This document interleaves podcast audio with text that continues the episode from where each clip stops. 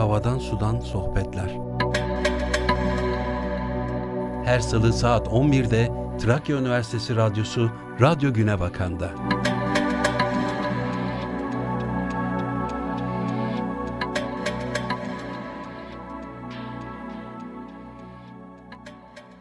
Merhaba, Trakya Üniversitesi Radyo Güne Bakan'da 106.2 frekansında Havadan Sudan Sohbetler programında birlikteyiz. Ben Profesör Doktor Belgin Elipek. Her hafta salı günleri saat 11 ile 11.30 saatleri arasında Havadan Sudan Sohbetler programıyla hep birlikte olacağız. Programımıza konuk olarak değerli akademisyen hocalarımızı alıyoruz. Onlarla hava, su, toprakla ilgili çevresel konularda güncel konular hakkında konuşuyoruz. Özellikle güncel alışkanlıklarımızda e, nasıl değişimler yaparsak ekosisteme ne gibi faydalarımız olur konusunda programımızı gerçekleştiriyoruz. Bugünkü konuğumuz Trakya Üniversitesi Fen Fakültesi Biyoloji Bölümü öğretim üyesi doçent doktor Mithat Aydoğdu. Hoş geldiniz hocam. Hoş bulduk Belgin Hanım.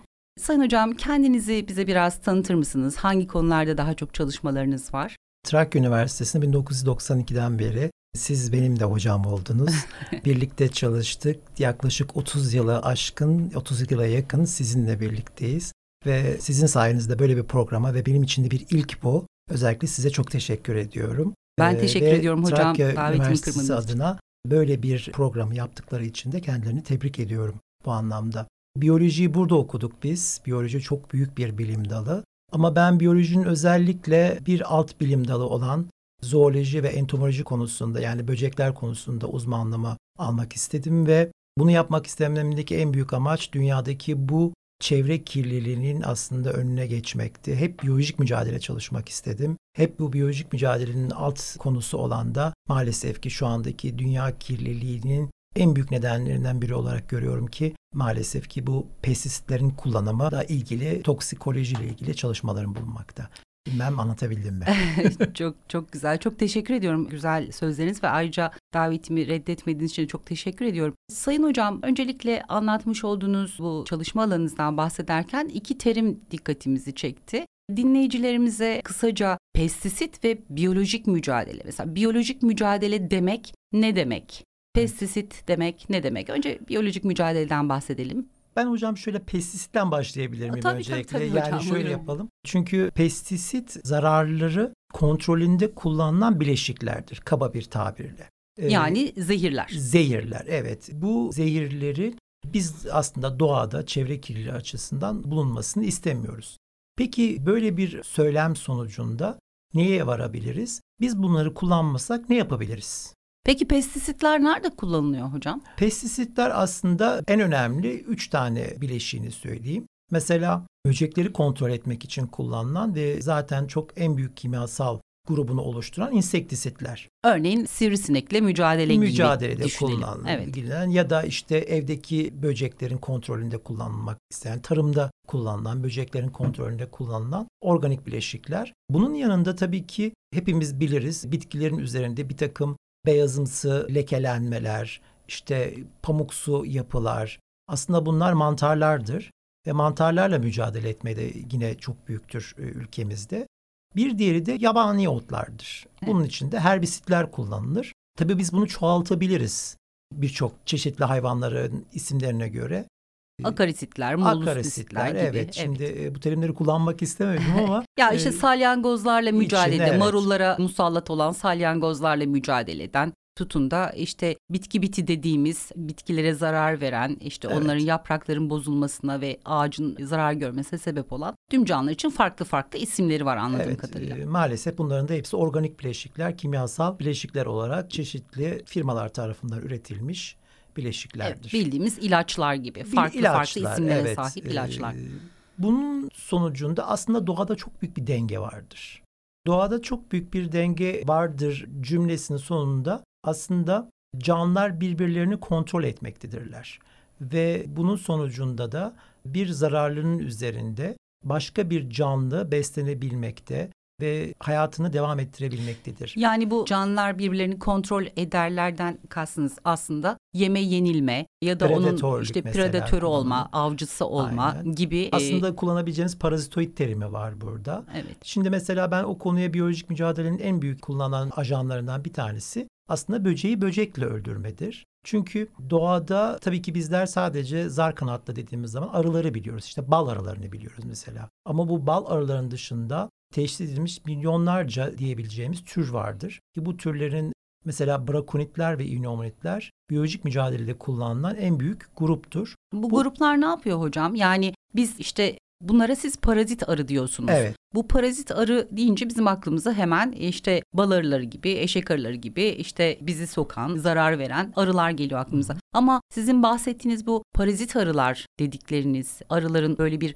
insanlara işte zarar verme, sokma vesaire gibi işlemler Hayır asla. İnsanlara herhangi bir zararları yok bu böceklerin, bu grubun. Dişileri yumurta koyma boruları ile bu zararlı olan örneğin mesela bir kelebek tırtılını hepimiz tanırız. İşte yaprakta zarar verir, yaprakları yer, sürgünleri yer, meyveyi yer, meyvenin içinde bulunur, ağacın içinde bulunur, ağacı oyarak zarar verir.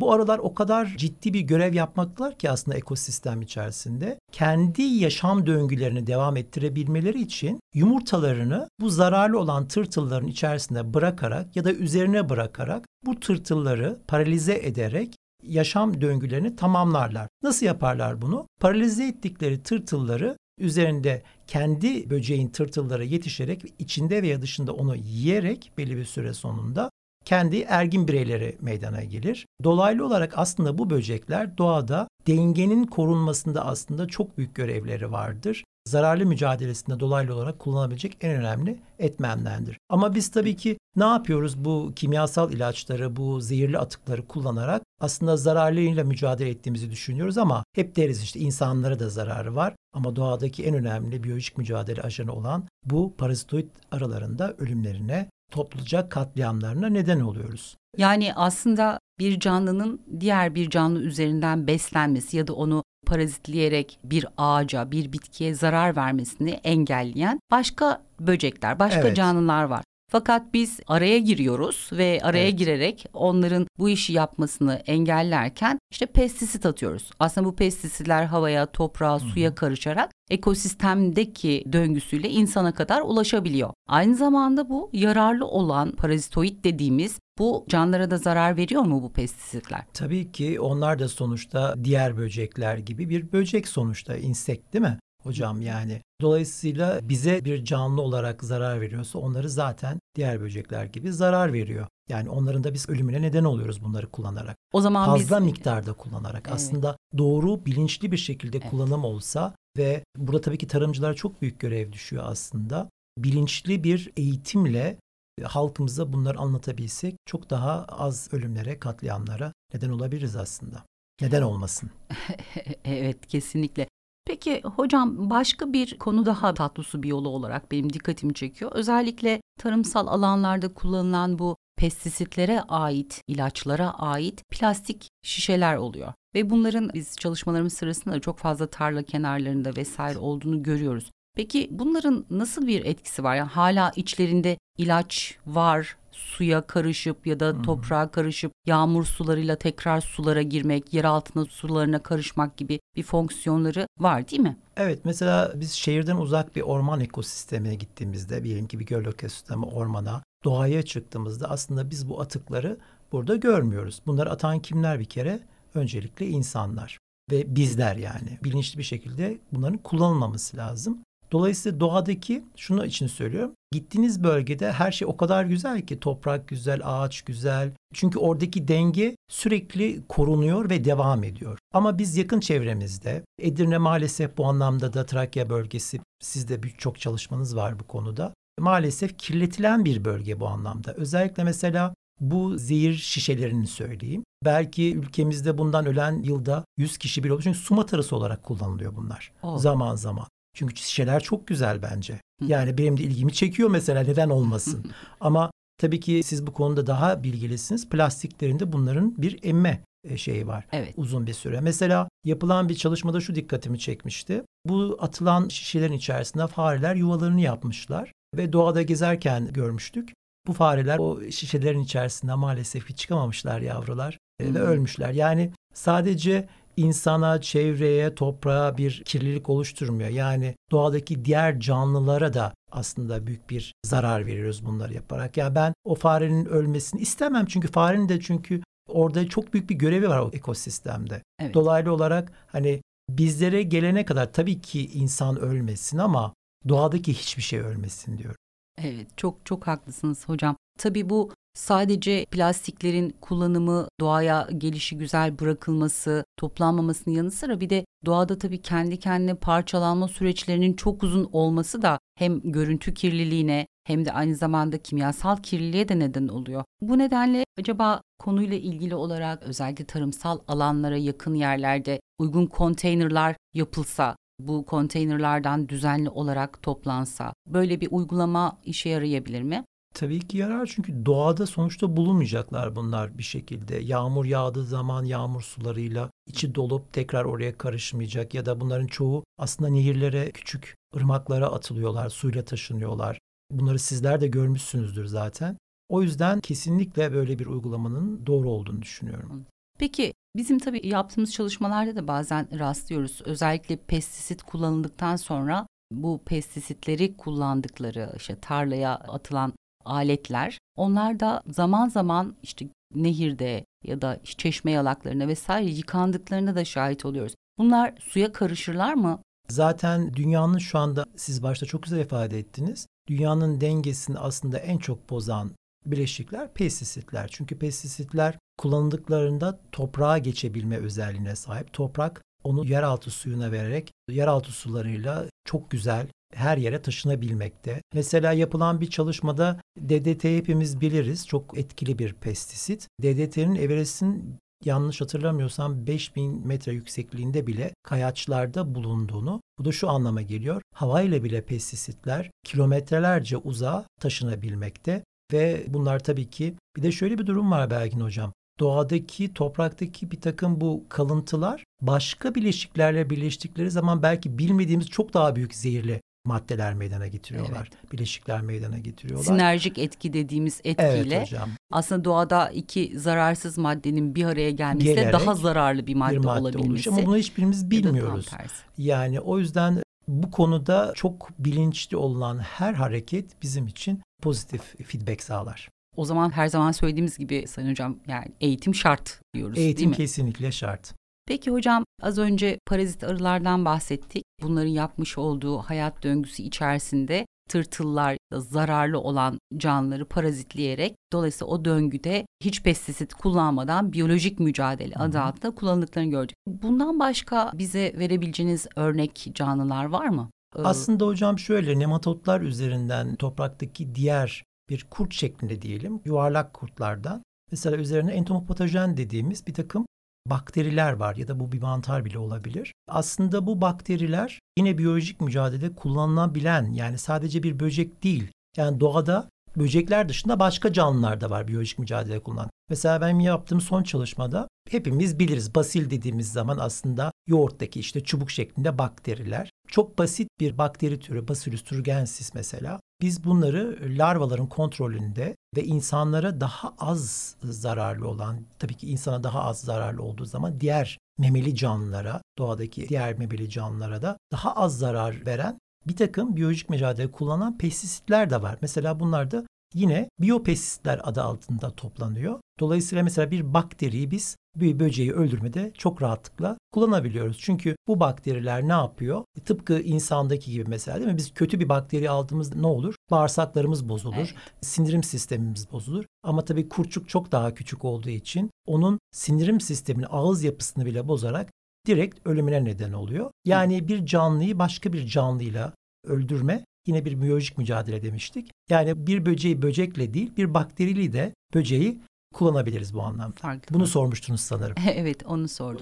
Şimdi Sayın Hocam madem hep aklımıza şu geliyor açıkçası konuyla ilgili ben de bir takım bildiklerimi paylaşmak istiyorum. Sizden de bu konuyla ilgili söz almak istiyorum. Şimdi pestisitlerin kullanımı yerine madem biyolojik mücadeleyle bu işleri yapabiliyorsak niye dünyada pestisit kullanımı bu kadar çok arttı diye bir ya da niçin hala pestisit kullanılıyor gibi bir soru geliyor ya, aklımıza. Tabii pestisitler aslında biliyorsunuz Birinci Dünya Savaşı'nda insanları öldürmek için de bile kullanıldı. Evet. Ve sanayinin gelişmesi için, tarımın daha da fazla gelişmesi için kullanıldı. Çünkü kolay bir yöntemdi. Evet. Ucuzdu her şeyden önce.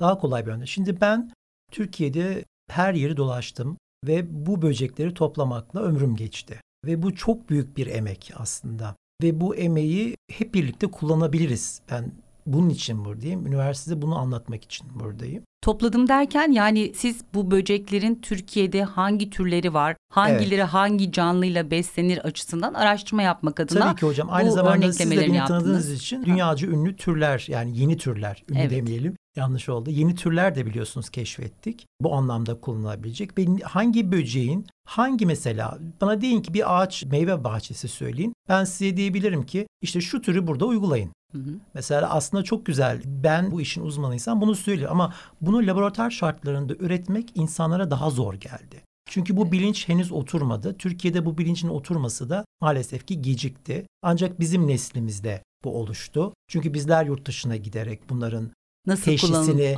e, kullanıldığını doğru teşhis etmeyi, doğru böceği öğrenmeyi, bu böceklerin çünkü bu da bir başka bir süreç, sistematik dediğimiz evet. bu böcekleri tanımak da başka bir süreç. Doğada işte gördüğünüz zaman arı dersiniz geçersiniz ama ben ona arı diyemiyorum işte. Ben onun cins ve tür ismiyle hitap edebiliyorum. Yani bu da çok önemli bir şey. Bu kişilerin, bu e, küratörlerin aslında Türkiye'deki böyle bir sistemde görev almasını canı gönüller isterdim. Ve inşallah ben bunların olabileceğini düşünüyorum ama maalesef şöyle bir şey var. Tarımda bu kullanılan pestisitler çok fazla kullanıldığı için artık biz elimiz mahkum. Aslında şunu da söylemek daha doğru olur belki hocam. Yani artık o kadar çok pestisit kullanımı tüm dünya çapında yaygın ki siz kendinizi buradan izole edemiyorsunuz. Yani bir şekilde başka bir ülkede kullanılmış olan pestisit su kaynakları ya da işte döngü sayesinde sizin ülkenize kadar ulaşabiliyor. Dolayısıyla artık eliniz mahkum oluyor belki pestisit evet. kullanmaya ya da insanlara daha kolay geldiği için pestisit kullanmak Doğru buna hocam. yöneliyoruz. Peki ee, ben hep size siz mi bize soru? Bir de biz size soru soralım hocam. tabii tabii bu havadan Mesela sudan burada sohbetler. insan nüfusunun artması sizce bu anlamda zor değil mi? Ya İnsan şimdi, nüfusu artıyor ve biz mecburen pestisit kullanmak zorunda değil miyiz sizce?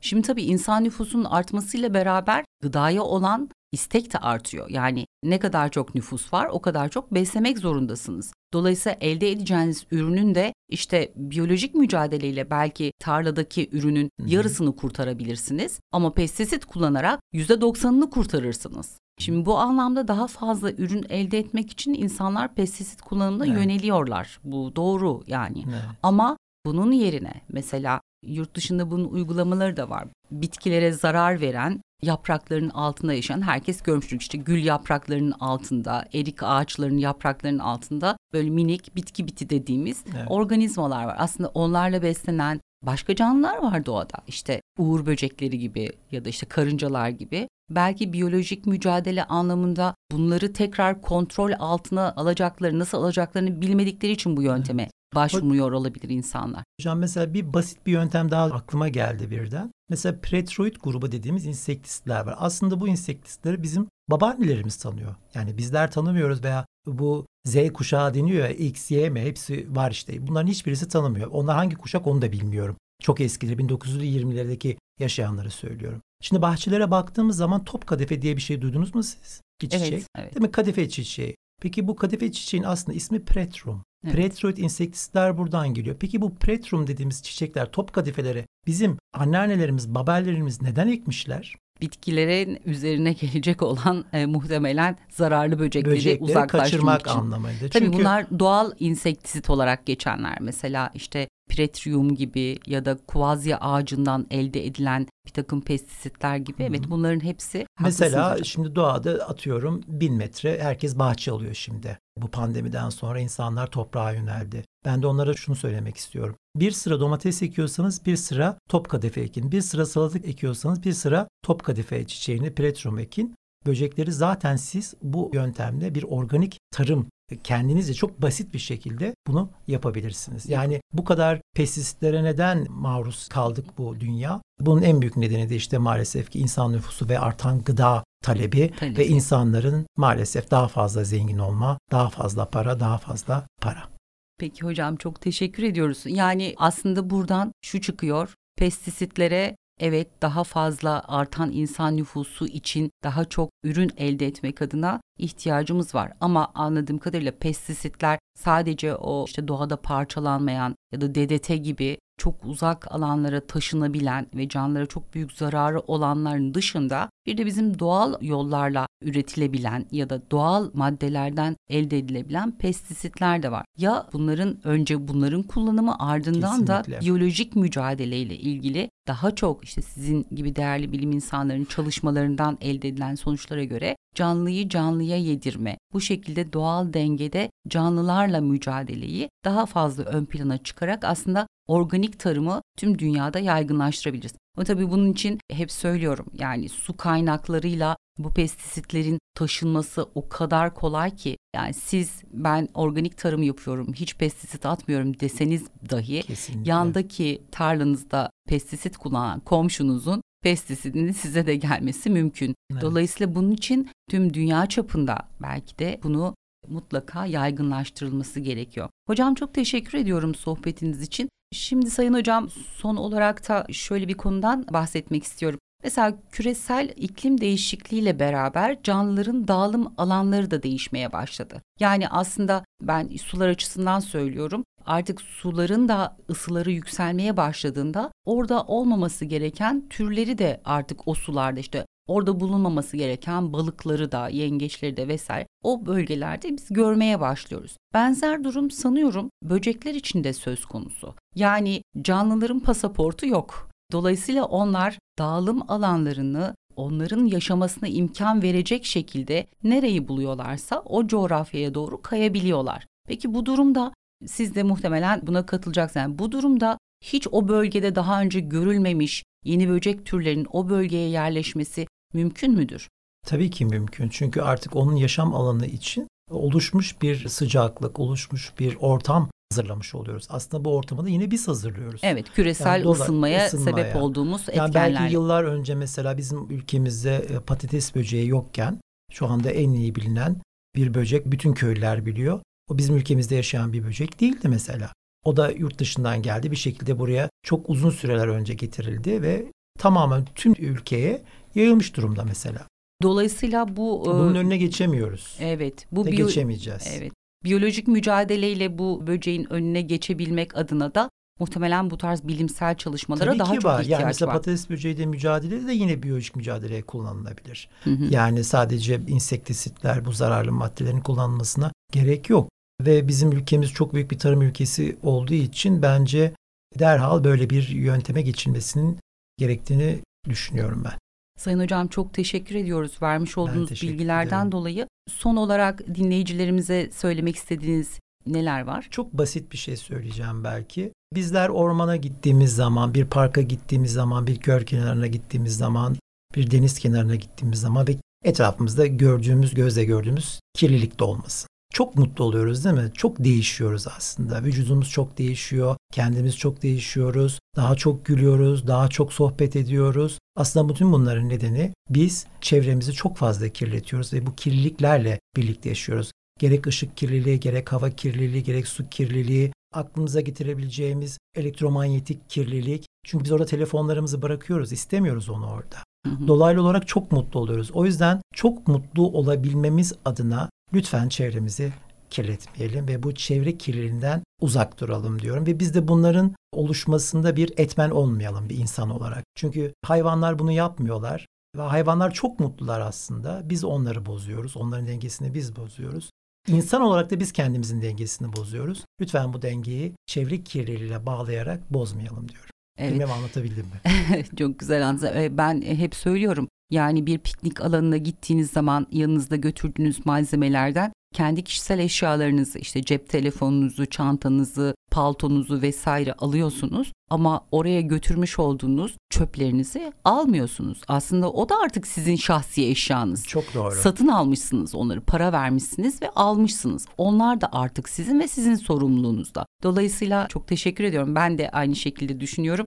Gitmiş olduğumuz, eğlendiğimiz alanlara tekrar gittiğimizde aynı e, Aslında bu motivasyon bizim için vücudumuzun tepkimesi. yani şey değil orada kirlilik olmadığı için vücudunuzun tepkimesi. Biz bunu özellikle ben buraya gittim de mutlu olayım ha ha falan diye bir şey söz konusu değil. Trakya Üniversitesi Radyo Güne Bakan'da 106.2 frekansında Havadan Sudan Sohbetler programını dinlediniz. Bu haftaki konuğumuz Trakya Üniversitesi Fen Fakültesi Biyoloji Bölümü öğretim üyesi doçent doktor Mithat Aydoğdu hocamızdı. Hocamızla pestisitler ve biyolojik mücadele hakkında çok güzel bir sohbet gerçekleştirdik. Kendisine çok teşekkür ediyoruz. Teşekkür bir ederim. sonraki haftada yine bir başka çevre konusunda havadan sudan çevre konuları dediğimiz aslında çok önemli olan konularla yine birlikte olmak üzere konuyla ilgili görüşlerinizi ya da iletmek istediklerinizi Radyo Güne Bakan Trakya.edu.tr adresinden bize ulaştırabilirsiniz. Programımızda konuşmamızı istediğiniz çevresel konulara, değinmemizi istediğiniz konulara yine Radyo Güne Bakan Trakya.edu.tr adresinden atacağınız e-maillerle ulaşabilirsiniz. Sevgili dinleyiciler bu haftaki programımızın sonuna geldik. Havadan Sudan Sohbetler programımızda bir sonraki hafta görüşmek üzere. Hoşçakalın. Havadan Sudan Sohbetler Her salı saat 11'de Trakya Üniversitesi Radyosu Radyo Güne Bakan'da.